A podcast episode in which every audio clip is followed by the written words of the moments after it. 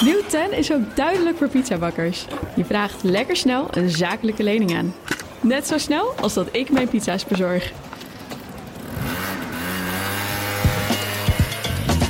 Duidelijk voor ondernemers. Nieuw 10. Je doelen dichterbij. Een initiatief van ABN AMRO. Heb jij de BNR-app al? Met breaking news en live radio? Download de app en blijf scherp. BNR Nieuwsradio. BNR breekt. Ivan Verrips. Goedemorgen en welkom. Vanaf half twaalf praat ik over het nieuws van de dag. Over een ja, opnieuw zwaar debat in de Tweede Kamer. Daar zal premier Rutte zich vandaag en morgen moeten bewijzen... dat hij dit keer wel woord kan houden als het uh, aangaat om de uh, genoegdoening en compensatie voor de Groningers. Gaat dat Rutte lukken? Er wordt gesproken over het aardgasdebat dus. En iedereen in ons land moet ervan uitgaan dat zijn of haar data zijn gelekt... of dat dat nog gaat gebeuren, zegt de autoriteit persoonsgegevens... bij de presentatie van een datalek-rapportage over het vorige jaar. Niet heel erg prettig nieuws. Hoe bereiden mijn panelleden zich daarop voor dat al hun informatie op straat ligt? Dat ga ik zo meteen bespreken om half twaalf met Vrenelie Stadelmeijer, directeur van She Consult, en Geert Noordzij, gemeenteraadslid in Amsterdam voor de PvdA. Goedemorgen allebei. Goedemorgen. We gaan beginnen met. BNR breekt. Breekijzer. En het breekijzer heeft te maken met de oorlog in Oekraïne. Um, je hebt het vanochtend ongetwijfeld meegekregen. Een dam bij de door Russische troepen gecontroleerde Oekraïnse stad Nova Kakhovka... in de Zuid-Oekraïnse regio Gerson is vannacht verwoest en ingestort. Omwonenden van het gebied worden momenteel geëvacueerd. Onze Europa-verslaggever Geert-Jan Haan vertelde eerder deze ochtend... meer over dat gebied en wat daarvan de gevolgen zijn... van die damdoorbraak voor de inwoners daar. Dan heb je uh, een gebied te pakken met zo'n 2 miljoen inwoners... En inderdaad, uh, die dam zorgt ervoor, of nou ja, het waterreservoir daar zorgt ervoor dat uh, de krim van drinkwater wordt uh, voorzien. Geen wonder dus ook dat vanuit Russische zijde nu wordt gezegd: dit is een terroristische daad vanuit Kiev. Want hiermee raak je uh, onze inwoners. Oekraïne zou heel graag natuurlijk de Krim weer willen bevrijden. Ja, de vraag is dus wie is hiervoor verantwoordelijk? Nou, als we dan kijken naar bijvoorbeeld Marten Kruijf, generaal buitendienst, oud-commandant der landstrijdkrachten. Ja, die zet zijn geld in op de Russen. Als je het naar militair nut kijkt, dat is er één. En een tweede, dit doe je niet zomaar. Daar heb je echt uitgebreide vakkennis op het gebied van demolitie, zoals het heet, nodig. Dus dat duidt ik op een krijgsmacht.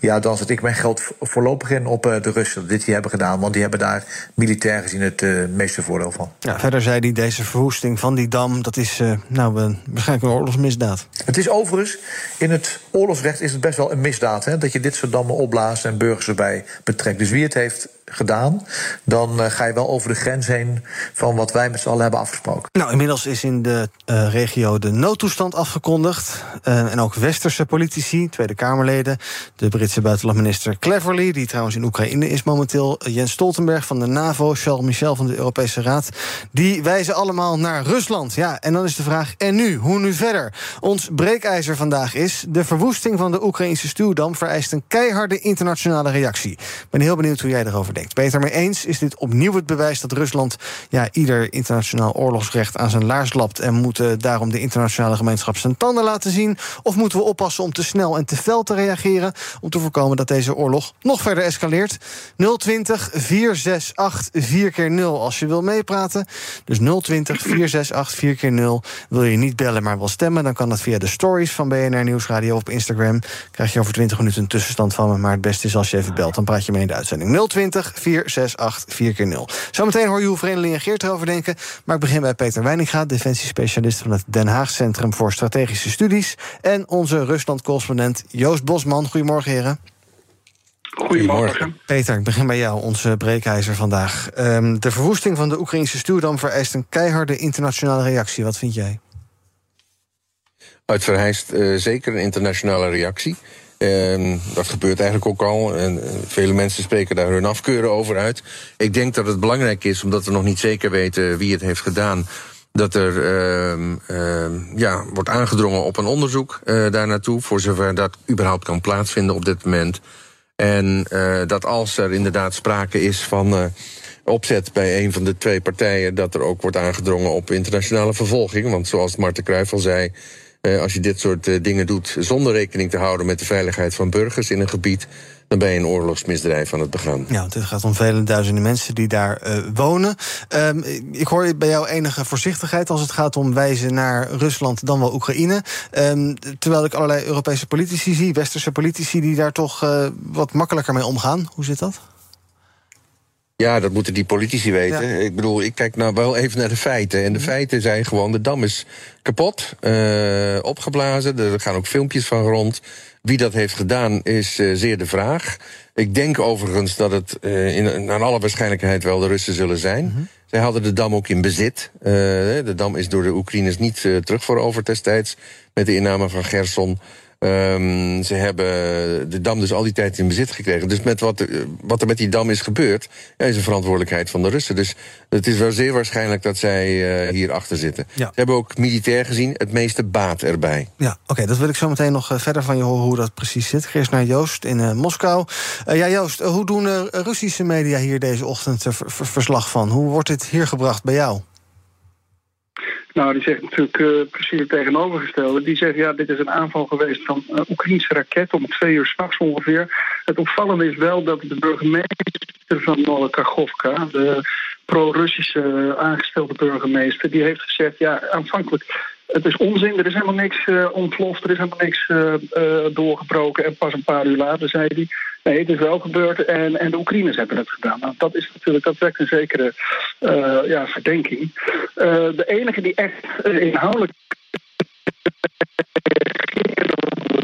ja, Joost, we gaan even proberen jou opnieuw te bellen, want de verbinding is wat slecht. Dus dat uh, gaan we eventjes proberen opnieuw op te zetten, zodat we jou goed kunnen horen. Dat is op zich wel handig. Uh, Peter, jij zei, uh, Rusland kan hier militair voordeel bij hebben. Hoe? Um, omdat het eigenlijk ja, de, de, de oversteek van de Dnipro in dat gebied, zuid van zeg maar, dat stuwmeer, of stroomafwaarts van het stuwmeer kan ik beter zeggen, voor de Oekraïners onmogelijk maakt. Ja, je moet een beetje denken aan uh, de Hollandse waterlinie, zeg maar, zoals wij die ook ooit hebben gebruikt. Uh, dat was eigenlijk bedoeld om ons uh, nou ja, buitenlandse vijanden van het lijf te houden, met name Fransen. en is ook daadwerkelijk zo een keer gebruikt. Nou ja, in, in feite heeft dit hetzelfde effect. Um, ik denk ook dat dat de doelstelling is geweest van degene die hem heeft laten springen. En dat wijst natuurlijk ook naar de Russen. Om te voorkomen dat de Oekraïners in ieder geval een deel van hun offensief in het zuiden, zuidstroomafwaarts van uh, dat stuwmeer, kunnen laten plaatsvinden. Om de Saporigia's, of de, de oblasten en Gerson eventueel uh, te bevrijden. Dus ja, ja. Uh, het is een bekende tactiek. Ja. Het feit dat dit gebeurt zonder dat de burgerbevolking is gewaarschuwd of geëvacueerd, maakt het uh, tot een, uh, een oorlogsmisdrijf. Ja, en uh, het verwoesten van zo'n dam, dat zou je ook, ja, het is allemaal een beetje cru, maar dat zou je dus ook in de, in de, want het is er in de afgelopen maanden ook al een keer over gegaan. Zelensky heeft er ook al een keer op gezien, ja. speelt in, ik geloof, oktober vorig jaar. Um, ja. dit zou je in de achterzak kunnen houden voor als je het nodig hebt, zo'n aanval. Ja, weet je, zoals ik al zei, het is in het verleden veel gebeurd. Ook in de Tweede Wereldoorlog. Denk aan de uh, Engelse luchtmacht die de dijken op Walcheren in 1944 heeft gebombardeerd. Om uh, het eiland onder water te zetten, om de Duitsers te verdrijven. Ook daar kun je vraagtekens bij zetten. Um, maar goed, uh, weet je, inundatie, zoals men het dan wel noemt, is een veelgebruikte uh, tactiek in oorlogen. Ja. En in Korea is het gebeurd, uh, ja, nu gebeurt het weer. Um, alleen, ja, weet je, het, het, cruciale punt is, als je zoiets doet, dan moet je al het mogelijke binnen jouw uh, bereik doen, zeg maar, om uh, de mensen in dat gebied in veiligheid te brengen of op zijn minst te waarschuwen. En dat is niet gebeurd. Nee. Joost, je bent er weer. Um, ja, jij was halverwege je zin, toen uh, was de verbinding weg. waar, waar was je gebleven? Nou, er is dus nog geen officiële reactie. De enige die uh, opvallend reageert op Telegram is uh, Igor Kirkin, ons nog wel bekend van MH17 natuurlijk, de, de hoofdveroordeelde, die schrijft, uh, nou ja, dit is van tevoren uh, gepland, duidelijk, en, en hij zegt het is juist andersom. Kijk, met het, op, het opblazen van die dam kunnen de, de, de, kunnen de, de, de, de, eenheden van de Russen die aan de zuidkant van, van de oever zitten, zeg maar, van de Dnieper, die kunnen daar weggespoeld worden. Hè. Hun, hun, hun, de munitiedepots ter velde, de troepen, alles wat ze daar hebben, dat komt allemaal onder water te staan. En die troepen moeten daar dus gewoon weg. En vervolgens kunnen de Oekraïners met amfib amfibische landingen, dus met bootjes, de, de slaan aan de andere kant van het gebied, regio Gerson dat nog in handen is van de Russen. Maar ja, daarmee uh, gaat hij voorbij aan het feit dat de Dnieper op, deze moment, op dit moment gigantisch verbreed is om aan de overkant te komen. Plus dat uh, ja, over die dam konden ze nog tanks aan de overkant krijgen en, en, en panzervoertuigen. En ja, dat gaat over het water toch een stuk moeilijker. Dus uh, veel zeggen is dat het Kremlin eigenlijk uh, de, de, de, autoriteiten hier uh, nog zwijgen. Behalve dan de lokale autoriteiten die er een zegje over doen.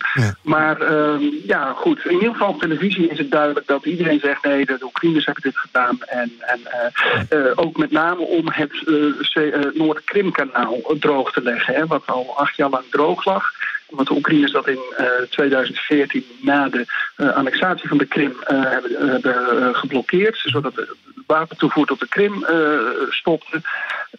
ze zeggen ook, waarom zouden wij dat doen, terwijl we dat dan net weer open hebben gelegd hè, na de inval van, van 2022. Ik ga zo meteen naar onze bellers, als u wil reageren op het breekijzer. De verwoesting van de Oekraïnse stuurdam vereist een keiharde internationale reactie. Dan pak je je telefoon, bel je nu naar 020 468 4 keer 0 Dan kom je zo meteen in de uitzending 020 468 4 keer 0 Rondje in mijn panel doen. Geert, ons breekijzer, wat vind jij? Keiharde internationale reactie. Ja, ik denk dat er zeker harde internationale reactie uh, nodig is. Er zijn natuurlijk ook al uh, veel sancties, maar wat denk ik een belangrijk punt is waar we nu ook naar moeten kijken, is de noodhulp die geboden kan worden. Maar ook op die gebieden zelf waar evacuaties plaatsvinden. Maar ook bijvoorbeeld als het gaat om waterbeheer, de kennis die daar in Nederland van is. Gebruiken om te zorgen dat de schade zo beperkt mogelijk blijft.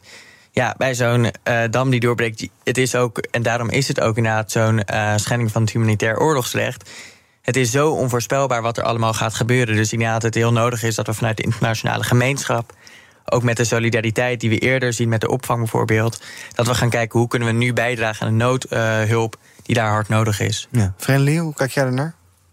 Nou ja, weet je, Iwan, ik ben natuurlijk geen generaal. Hè, en ik weet ook helemaal niks van oorlog voeren. Maar ik weet wel veel van de leiderschap en van de psyche van de mens. En als ik dan kijk naar deze nieuwe stap, hè, dan alles wijst toch richting Poetin. Eh, dan past dat in het beeld van een narcistische leider. Hè, met psychopathische neigingen, impulsief, agressief, gebrek aan empathie. Nou, past dan helemaal in dit plaatje. Hè. Uh, uh, maar onderzoek laat ook zien dat deze eigenschappen zo'n leider minder competent maken als leider. Ehm, dus ja. Um, ik denk dat je dan toch moet concluderen dat Poetin eigenlijk gewoon weg moet. Ja. Dat dat dat toch de oplossing is. En hoe dat dan moet, dat weet ik ook niet. Uh, maar hij is een uiterst gevaarlijke man, heel onvoorspelbaar. Uh, en die wil je eigenlijk helemaal niet op zo'n belangrijke positie hebben. We gaan onze bellers 020 468 4 keer 0 uh, Rob hangt al bijna 10 minuten te wachten. Goedemorgen, Rob. Goedemorgen, Iwan, met Rob Kwisterbeeld. Ja, Iwan, het is heel triest. Ik vind het een oorlogsmisdaad en het moet goed onderzocht worden. De schuldigen moeten gestraft worden. Maar het grootste triesten is... in 1943 de Engelse dambusters... een speciale aanval met speciaal ontworpen bommen... van de RAF op de Stoedam en Monen en, uh, en de Roer in Duitsland... waar ook heel veel gewoon de burgerbevolking... heel veel mensen verdronken zijn. Heel veel mensen om het leven gekomen zijn. En het wordt nog steeds in Engeland jaarlijks door de squadron... de Dambusters squadron... als een grootste oorlog... hadden een grootste overwinning gevierd. Dus ja, wat dat betreft is het heel triest. En daarom heeft bijvoorbeeld Engeland weinig recht van spreken. Mm -hmm. Dankjewel voor het bellen, Rob. Marco, goedemorgen. Ja, goedemorgen. Um, ik, de, ik ben het eens. Er moet zeker onderzoek gedaan worden. Ik wil alleen wel, uh, moeten we voorzichtig zijn met beoordelen wie uh, de schuldig is. Mm -hmm. Aangezien uh, Oekraïne natuurlijk ook vrij corrupt is. Ja, de desinformatie komt van beide kanten in zo'n oorlog. Dankjewel Marco voor het bellen. En tot slot van dit blokje even Afros. Goedemorgen. Goedemorgen. Zeg het maar. Kijk, ik, weet je, als ik zie die oorlogen in het Midden-Oosten... en allemaal zoveel mensen lijden... die Amerikanen hebben niet een goede systeem gekozen... dat ze een drone sturen naar die persoon... als ze weten precies waar die persoon is. Maar deze Poetin, deze man hoort niet meer in Europa, joh. Die man maakt zoveel mensen leven kapot. Zoveel mensen lijden eronder. Waarom kunnen ze die man niet uitschakelen? Eén, daar ben je klaar mee. Dankjewel voor het bellen, Afros. BNR breekt. Ivan Verrips. Met vandaag in mijn panel Verenigde Stadelmeijer van She-Consult... Geert Noordzij, gemeenteraadslid in Amsterdam voor de PvdA... en ook bij me zijn Peter Weininga, defensiespecialist... van het Den Haag Centrum voor Strategische Studies... en Joost Bosman, onze correspondent in Rusland. We praten over ons breekijzer. De verwoesting van de Oekraïnse stuwdam vereist een keiharde internationale reactie. Als je wil reageren, pak je telefoon en bel nu 020 468 4 keer 0 Dan kom je zo meteen nog bij me in de uitzending. Peter, Iwan, jij... Ja, oh, mag, ja. Ik, mag ik aan Peter vragen waarom deze actie niet gewoon wordt opgeëist door Rusland of door Oekraïne? Waarom zeggen ze niet gewoon wie het gedaan heeft? Ja, omdat ze dan natuurlijk eh, eh, zeg maar eh, daadwerkelijk ook vervolgd kunnen worden.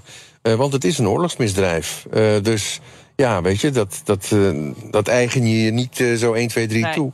Nee. Ehm, dus ja, nee, ik denk dat dat de belangrijkste reden is. Ja, Maar als ze dus van tevoren hadden gezegd van nou, dit gaan we volgende week doen. eh, eh, breng de mensen in veiligheid, dan was het anders geweest. Dan was het in ieder geval een stukje anders geweest. Het ligt eraan of men dan al het mogelijke heeft gedaan. Want dat zegt het internationaal humanitair eh, oorlogsrecht.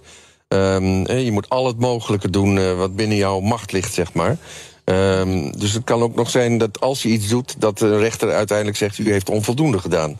Maar ehm, dat, dat, had de situatie iets anders gemaakt, ja. Dat Peter. Peter, jij zegt we moeten onderzoek afwachten eh, wie dit gedaan heeft. Hoe ziet zo'n onderzoek eruit? Want ik zei het al, er komt heel veel desinformatie van beide kanten. Dat hoort nou ook helemaal bij een oorlog. Ja, hoe, hoe zoek je uit Ja. wie dit nou geweest is? Ja, dan moet je ter plaatse zijn. En eh, je moet natuurlijk met eh, mensen in de buurt spreken. eh, zoveel mogelijk eh, bewoners in de buurt spreken die weten hè, van het komen en gaan op die dam. Die kunnen ook vertellen of er daadwerkelijk geschoten is op die dam. Eh, dus dat soort zaken moet je allemaal gaan onderzoeken. Ja, weet je, en dat kan eigenlijk pas na het conflict. Ja. Eh, op dit moment is dat gewoon onmogelijk. Maar ehm, eh, eh, ja, ik denk wel dat dit op het lijstje komt van die internationale organisatie die bezig is met het verzamelen van bewijs van oorlogsmisdrijven. Ehm, waar ook de Nederlandse marechaussee regelmatig aan eh, meewerkt. Eh, dus ik denk dat dit weer een van de ja, nieuw te onderzoeken eh, incidenten is. Ja, als we het dan toch hebben over informatie van beide kanten en hoe betrouwbaar dat is. gisteren en ook vanochtend hoorden we verhalen van, van, van de Russen. waarin zij claimen dat ze dan een groot Oekraïns offensief hebben afgeslagen. Ehm, wat, wat, wat maak jij daarvan als jij kijkt naar onafhankelijke bronnen in de regio? Lijkt daar iets van te kloppen of niet? Nee, daar klopt niks van. nee. Kijk, eh, de Russen eh, zijn meesters in desinformatie. Ehm, ze beschikken al sinds 1957 over een bureautje wat ze noemden Desinformatia. En dat, was onderdeel van de KGB destijds. Eh, en, en, sinds die tijd eh, zeg maar, hebben ze die kunst al eh, beoefend. Dat wil niet zeggen dat de Oekraïners daar eh, niks van kunnen, want die kunnen het ook natuurlijk. En overigens wij ook, denk ik. Maar ehm, eh, het, zit wel, het is bij hun wel een, een vast onderdeel van hun, ehm, ja, hun methode van oorlogvoering. Ja. En ehm, als je het afgelopen jaar kijkt, dan kun je eigenlijk zien dat die desinformatie plus de retoriek die regelmatig vanuit het Kremlin komt, eh, keer op keer, zeg maar, ja, door, doorgeprikt is. Hè, dat het bewezen is dat het eh, onzin was. Terwijl je, als je kijkt naar de verklaringen die vanuit Oekraïne komen, dan blijkt dat toch eh, voor het overgrote deel allemaal te kloppen. Dus je kunt eigenlijk nu zeggen, op basis van het track record van beide partijen, van de afgelopen, nou, wat, eh, we spreken we over 16, 17 maanden. ehm, dat je meer betrouwbaarheid kunt schenken aan wat de Oekraïners verklaren dan wat de Russen verklaren op dit moment. Dus ja, en ik denk dat je dat rustig kunt doortrekken. En nogmaals, hè, kijk, eh, de Igor Gerkin kan er wel hebben gezegd dat de Oekraïners er belang bij hebben. Eh, maar de Oekraïners beschikken niet over voldoende bootjes om die, die, enorme vlakte aan water over te steken. Waar ze ook uiterst kwetsbaar zijn voor eh, Russische zeg maar, beschietingen gedurende die oversteek. Dus dat is gewoon een onmogelijkheid. Het is een onmogelijkheid om die, om die enorme watervlakte ongeschonden over te komen. Om dan alsnog een invasie in het oblast eh, Gerson eh, te laten plaatsvinden. Dus ja, weet je, dat, dat, het is echt een broodje aapverhaal. Ja. Joost, worden, eh, misschien een beetje een rare vraag, maar worden die Russen dat dan nooit een keer zat, al die, al die desinformatie uit het Kremlin? Of, of weet, weten ze niet beter? Nou ja, als je daar al 23 jaar, of eigenlijk al wel langer natuurlijk, ook eh, voor Poetin al gebeurde het wel in zekere zin. Uh, als je daar dag in dag uit dat als een soort uh, gif ingedruppeld krijgt, ja, dan, dan weet je ook echt niet meer beter. En het is de enige informatiebron die je tot je neemt. 90% van de Russen is nog altijd nog afhankelijk van de televisie voor zijn, voor zijn nieuwsvoorziening. En, en althans, daar kijken ze naar. er zijn wel andere bronnen natuurlijk, maar 90% beschouwt het als de belangrijkste nieuwsvoorziening. En ja, als daar dag in dag uit soort dingen worden verteld, dan, dan, dan weet je op een gegeven moment ook niet meer. Uh, 20% van de Russen geen buitenlandse taal beheerst. Dus ook niet uh, in, in westerse media kan gaan grasduinen om eens te kijken wat, wat er, uh, wat er misschien eigenlijk aan de hand is. Of een, alternatief verhaal te lezen of te horen. dat is het grootste probleem natuurlijk. nogmaals, het is al bijna een kwart eeuw aan de gang. En, en ja, dan, dan, dan uh, kun je ook eigenlijk niet meer anders denken dan, dan wat, het, het, wat de autoriteiten hier vertellen. Ja, je wordt gewoon gehersenspoeld. Dus laten we nog even praten over uh, Zaporizhia, de kerncentrale daar. Daar is nog veel onduidelijkheid over. Uh, volgens onze Europa-verslaggever Geert-Jan Haan, je hoort hem eerder al... lijkt die kerncentrale niet direct in gevaar? Dat de koeling bij de kerncentrale bij Zaporizhia... dat die koeling op dit moment geen probleem is... omdat de reactoren toch al uit zouden staan, zeggen ze. er is dus geen direct nucleair risico. Verder zou er geen, zoals dat heet, cascade-effect voor het stroomnetwerk van de Oekraïne zijn. Wat betekent dat? Als er een onderdeel van de vitale sector in gevaar is, dan zou het kunnen dat dat een soort probleem voor de hele sector veroorzaakt. Maar daar hoeft nu geen sprake van te zijn. Daar heeft Oekraïne dus al op geanticipeerd. Ja, toch, dat waterstroom uh, opwaarts, dat geldt ook als uh, koelwater voor die kerncentrale. Ik zag dat het Russische persbureau TAS Rafael Grossi citeert van het Internationaal Energieagentschap. En die zegt, ja, als er een hele tijd geen koelwater is bij die nucleaire centrale van Zaporizhia, dan gaat dat na een tijdje ook de, bijvoorbeeld de diesel, dieselgeneratoren daar beïnvloeden. Dus het is wel een zorgelijke situatie, maar niet per se direct een probleem. Is dat een beetje zoals ik het kan duiden, Peter? Ja, wat ik begreep is er een separaat reservoir bij de kerncentrale. Wat weliswaar gevoed wordt vanuit het stuwmeer, wat nu leegloopt. Uh, maar wat een soort buffer vormt. Uh, en uh, de reactoren zijn uitgezet. Betekent wel dat ze nog steeds gekoeld moeten worden. Want dat duurt geloof ik een hele lange tijd voordat dat op een temperatuur is die, nou ja, beheersbaar is. Maar dat betekent inderdaad dat er nog niet direct gevaar is voor oververhitting. Uh, dus nou ja, goed, dat moeten we verder even afwachten. Geert, als je dan zegt van nou oké, okay, we moeten hier uh, ferm op reageren.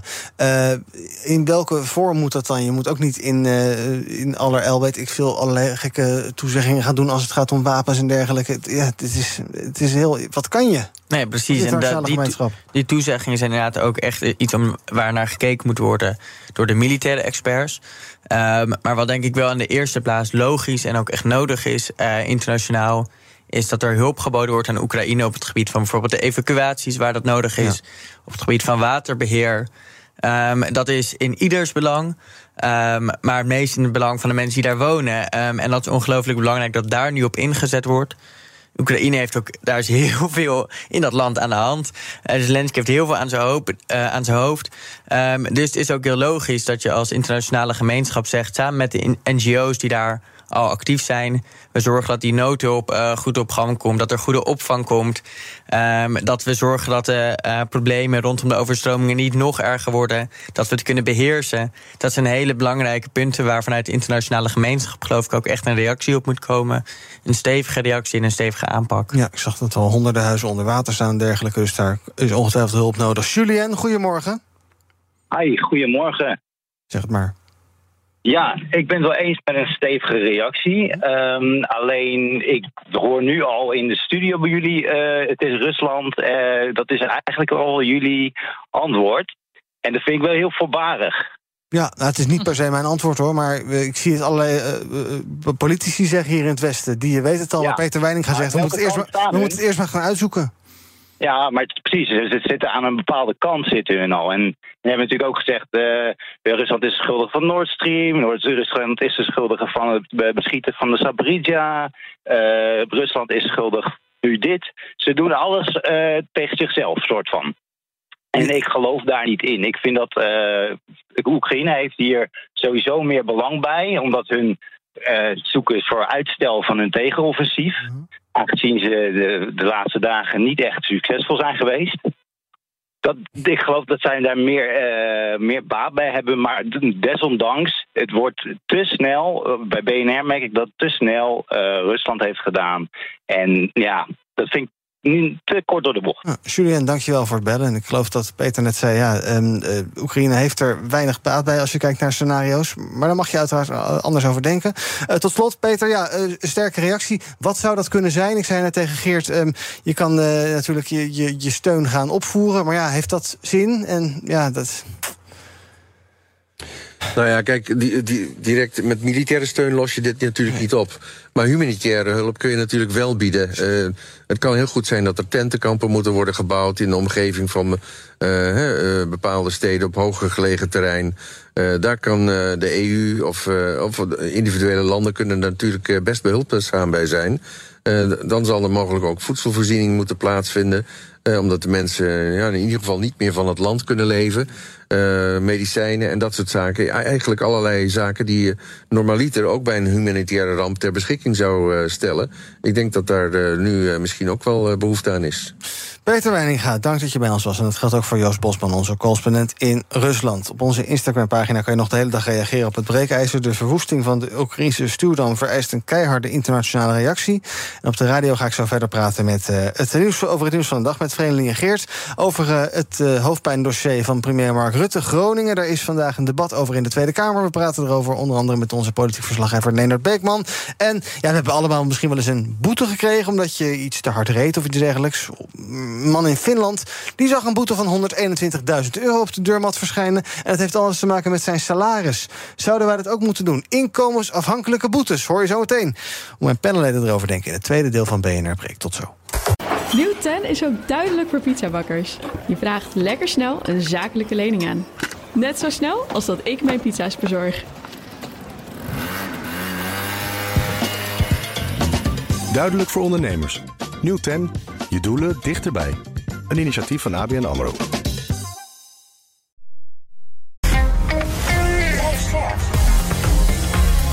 BNR Nieuwsradio. BNR breekt. Ivan Verrips. Welkom terug in mijn panel vandaag. Verenigde Stadelmeijer, directeur van She Consult... en Geert Noordzij, gemeenteraadslid in Amsterdam voor de PvdA. Wij gaan praten over het nieuws van de dag. Te beginnen in Groningen, want de politiek heeft nog maar één kans... om het goed te maken met alle Groningers... die slachtoffer zijn geworden van de aardbeving. Al daar de afgelopen jaren. Vandaag en morgen debatteert de Tweede Kamer over het verslag van de PGAS, de parlementaire enquête gaswinning in Groningen. En daaruit bleek dat de overheid eh, ja, lang geen oog had voor de problemen van de Groningers. Vandaag is de Kamer aan zet. Morgen zal minister-president Rutte reageren. En ja, het wordt toch wel gezien als een soort van eh, ja, poging waarin hij moet gaan bewijzen dat hij dit keer wel woord houdt. Voordat ik naar uh, Leonard Beekman in Den Haag ga, onze politiek verslaggever, eventjes uh, Groningen. De, ze waren daar best blij met de parlementaire enquête. Niet zozeer blij met de reactie van het kabinet daarop. Um, had dat ruimer en hartelijker moeten zijn, vind jij? Ja, natuurlijk. Natuurlijk, weet je. Uh, er is natuurlijk ongelooflijk veel misgegaan uh, in Groningen. Hè? Eerst was het hyper de piep, we hebben gas, zo fantastisch goud gevonden. En toen wisten we uh, hè, met de eerste aardbevingen dat dat enorm veel schade ging oplopen. Mm. En, en we gingen gewoon door. De grote concerns, de leiders van de grote concerns namen hun verantwoordelijkheid niet. En het kabinet nam zijn verantwoordelijkheid niet, want dat danst naar de pijpen van die grote concerns. Mm. En dat, dit, dat is, ja, weet je, dat is. Ja, ik wil niet zeggen dat het vergelijkbaar is met Poetin. Maar het is wel gewoon alleen maar aan jezelf denken. En aan je eigen belangen. En niet aan het belang van de mensen daaromheen. Niet aan het belang van de mensen die in Groningen wonen. En je kunt dat veel verder trekken. Het gaat ook over onze planeet. He, dus Rutte en het kabinet zouden er goed aan doen om het roer nu eens om te gaan. En nu eens echt te luisteren naar uh, de gewone mensen en de mensen in Groningen. Nou, Leonard, dit wordt denk ik ongeveer de inzet van de oppositie vandaag.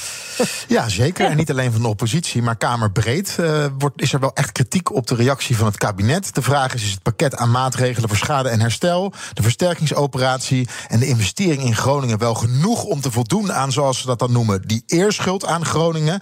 Ook de rol van premier Rutte zal centraal komen te staan. In het rapport staat hij heeft niet het verschil kunnen maken. Terwijl hij wel al die jaren erbij heeft gezeten. Natuurlijk niet alle jaren van de gaswinning, maar wel sinds de grote bevingen. Ja, en dan wordt er toch gezegd van, eh, kan Rutte het oplossen? Hij zegt zelf van wel, maar de Kamer is Ja. kritisch. Wat vind jij, Geert? Ja, eigenlijk de dit, dit probleem dit met de gaswinning staat geloof ik niet op zichzelf. Dus geloof ik wat we al langer zien. En daar is nou, Rutte dan boegbeeld misschien ook de katalysator daarvan. En dat is gewoon dat er een enorme wantrouwen bij de overheid is. Dat als je om een, met een hulpvraag naar de overheid gaat, dat er eerst gecheckt wordt. Klopt dit? Eh, heb je misschien achterliggende belangen? Eh, wat zijn je ideeën erachter? In plaats van dat de overheid zegt: Oké, we gaan kijken hoe we je het beste kunnen helpen. Nee, dat geld wordt liever uitgegeven om te con- controleren of je verhaal wel klopt. Ehm, en dat is denk ik wel waar ik hoop dat het ook vandaag over zou gaan. Dat wantrouwen. Dat als er mensen aankloppen, als er Groningers aankloppen bij de overheid, dat er niet eerst gecheckt wordt. Oh ja, maar wat zijn je belangen? Ehm, klopt het wel allemaal? Ehm, hoe zit het nou precies? Maar dat er gewoon gekeken wordt. Oké, we weten hoe groot het probleem is. We weten dat het serieus is. En we weten dat we die huizen moeten gaan verstevigen. En dat we aan herstel moeten gaan werken. En, ik hoop ook dat het dan niet vandaag alleen maar gaat over. ehm, kunnen we Rutte laten vallen? Kunnen we Rutte laten vallen? Het gaat erom dat die Groningers. dat, die, dat daar eerlijk herstel plaats gaat vinden. En dat er dan ook nog gekeken wordt. Oké, wat is er misgegaan? Dat wantrouwen. Hoe gaan we het anders doen? Dat vertrouwen. Ik denk zelf niet dat dat met Rutte op die manier kan. Maar dat is uiteindelijk om de ka- aan de Kamer om te beslissen. Om, en om ook op aan te dringen dat er aan dat vertrouwen wordt gewerkt. En dat er dus vanuit de overheid anders echt gehandeld wordt. Om welke casus het ook gaat, dat er anders gehandeld wordt. En dat als mensen naar de overheid toekomen met een hulpvraag, dat er ook hulp geboden wordt. Ja, want Leonard, eh, ik zei net tegen Vreemdelie over, over die, eh, de, die enquête... waren de Groningers over het algemeen geloof ik wel redelijk tevreden. Wat, wat missen ze dan in de uitwerking? Want eh, de belangrijkste conclusies zijn toch ook wel overgenomen, geloof ik. Ja, de grootste vraag is inderdaad of er genoeg geld gaat zijn hè, om eh, de hele operatie uit te voeren. En ook, en dat zal in de Kamer vandaag ook gaan spelen hoor, dat gevoel van we worden met wantrouwen bejegend.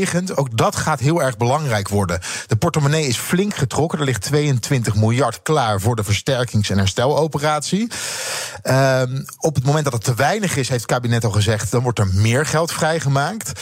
Maar dan moet je kijken naar hoe wordt die schade afgehandeld. Nou, Ja. onder de 40.000 euro kan dat zonder onderzoek. Dat gaat toegekend worden. Maar daarboven, juist voor die zwaarst gedupeerden, zij moeten nog wel aantonen dat ze schade hebben.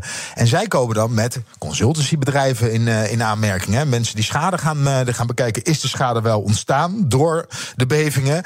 En hoe groot moet het schadebedrag dan worden? En dan hoor je ook bijvoorbeeld bij coalitiepartij D66. Ja, daar moeten we toch nog naar gaan kijken. Kan dat niet ruimhartiger? Want nu moet het gevoel van de, de overheid bejegent ons, komt naar ons toe vanuit wantrouwen in plaats van uit vertrouwen. Ja, dat gevoel leeft heel sterk in Groningen. En het kabinet zou moeten proberen om dat gevoel weg te nemen. En het kabinet zal er ook echt be- be- beweging op moeten maken, denk jij? Ja, het kabinet zal er ook. Ja, de, ja, dus ze zullen daar beweging eh, op, eh, op moeten maken. Vandaag is het eerst aan de Kamer. Dus we gaan vandaag eerst vanuit de Kamer horen wat de wensen zijn. En er, spelen verschillende wensen spelen er, eh, in, de, in de Kamer. Er zijn natuurlijk ook nog partijen die vinden eigenlijk dat de gaskraan gewoon opengedraaid zou moeten worden in Groningen. Denk aan eh, de partij van Wieberen van Haga of aan Forum voor Democratie. Eh, dus wat dat betreft gaan we een heel eh, palet aan wensen en eh, eh, commentaren vanuit de Kamer horen. Maar zeker de manier hoe gaan wij nou met Groningers om. En ook naast de schade- en hersteloperatie, het pakket aan maatregelen dat is aangekondigd, de 7,5 miljard om te investeren in de verduurzaming en de leefbaarheid en het economisch perspectief in het aardgeving, eh, aardbevingsgebied, is dat wel genoeg? Dat zal allemaal, zal dat ter sprake komen en is het morgen aan het kabinet om daarop te reageren. Maar het is niet heel gek hè, dat die Groningers ook zo blij waren met die parlementaire enquête. Want wat daar fundamenteel anders ging dan wat er nu in het kabinet in de afgelopen jaren is gebeurd, is dat in de parlementaire enquête werd gezegd: jullie hebben gelijk. En dat moet ook een keer vanuit de overheid gebeuren als iemand met een hulpvraag komt. Ja, en dan moet dat ook geloofwaardig zijn. Precies. Rutte heeft natuurlijk wel al heel vaak zijn excuses aangeboden. En ook daarover zal het vandaag weer gaan. Net dat Rutte in de parlementaire enquête, toen hij verhoord werd, zei: ik, ik, Eigenlijk realiseerde ik me pas in 2018 de ernst van de zaak. Ja, dat zit heel diep bij de Groningers. Hoe kan dat nou? Dat je eh, zes jaar na Huizen. En ook nog na een, eh, een, optreden bij eh, Jeroen Pauw ehm, en Eva Jinek. Waarin hij direct aangesproken werd door gedupeerden. Hoe kan je nou pas in 2018 doorhebben hoe problematisch de situatie was voor Groningen? Ja, ja daar zal die, daar zal die tekst een uitleg over moeten geven in de Kamer. Gaat Rutte nog in gevaar komen of glibbert hij ook hier doorheen?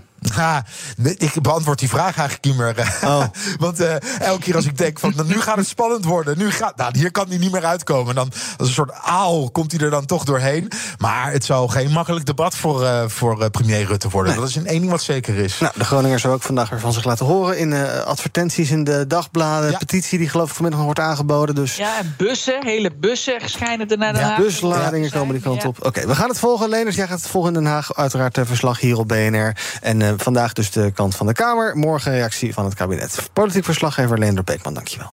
Nieuw 10 is ook duidelijk voor pizzabakkers. Je vraagt lekker snel een zakelijke lening aan. Net zo snel als dat ik mijn pizza's bezorg. Duidelijk voor ondernemers. Nieuw 10. Je doelen dichterbij. Een initiatief van ABN AMRO. Overwin voor eens en voor altijd spreekangst. Volg de masterclass Spreekangst. Kijk op Spreek. Spreek.nl BNR breekt. Gaan we naar het nieuws van mijn panelleden. Kijken wat hen is opgevallen in het nieuws. Geert, jij wil het hebben over een eh, onderzoek. Dat heet, eh, de kop zie ik hier voor me staan. Wachten is kwetsbaar. Werd gisteren gepubliceerd. Waar gaat het over? Wat is, waar, waarbij is wachten kwetsbaar? Ja, dat gaat eigenlijk op.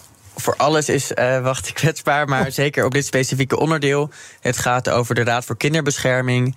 Eh, het is een raad die geeft advies aan bijvoorbeeld rechters voor kinderen die in de knel zitten. Als het nou gaat om kinderen die met het strafrecht in aanraking komen, of ouders waar een scheiding ehm, is eh, die heel moeilijk gaat, of kinderen waar veel schoolverzuim bij is, dan zorgt die eh, raad ervoor dat er heel erg goed advies op maat is met een onderzoek, dat er professionele hulp is, dat die kinderen met de juiste instanties ook bijvoorbeeld verbonden worden. Ehm, en de titel zegt het inderdaad al: wachten is kwetsbaar. Want wat blijkt, er zijn nog steeds hele lange ehm, wachtrijen daar eh, bij die raad. Ehm, weken kan duren, soms maanden. En nou, een paar weken op een bol.com pakketje wachten is dat niet zo lang.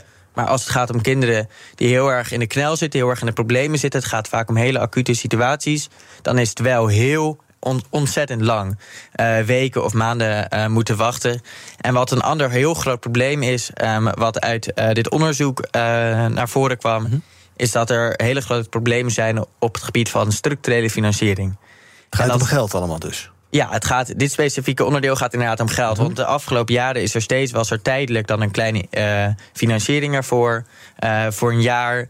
En daarin zie je gewoon dat eh, het niet op gang komt. eh, dat die hulp die op maat geboden kan worden, dat dat onzeker is, ook voor in de toekomst is. Dat het juist zo'n ongelooflijk belangrijk onderwerp is. Dat we kinderen die in kwetsbare posities zitten hulp helpen. Dat we die hulp bieden. Eh, want dat zijn fundamentele momenten in levens van mensen.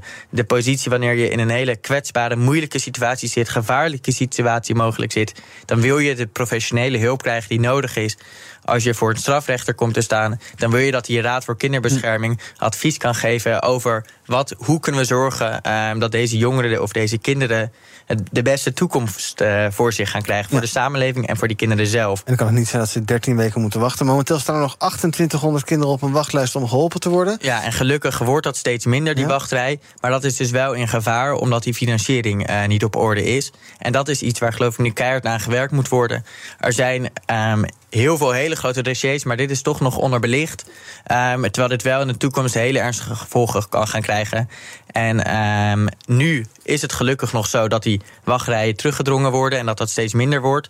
Maar als die financiering niet op gang komt, dan zal die ook weer groter worden. Ja, en Eh, misschien moet je het even doorescaleren in de PvdA. Lijkt me echt een onderwerp voor de PvdA. Kijk, een hele goede. Ik ga het doen. Heel goed, ga gelijk appen. Vrenelie, jij wil het hebben over eh, voetbal en cyclussynchronisatie. Ja, jongen, ik wil het Vertel. hebben over voetbal. Ja, dat is te schrikken. Jij denkt altijd dat ik het over vrouwen wil hebben. En daar ga ik het ook over hebben, ja. dat dacht ik al. Ja, precies.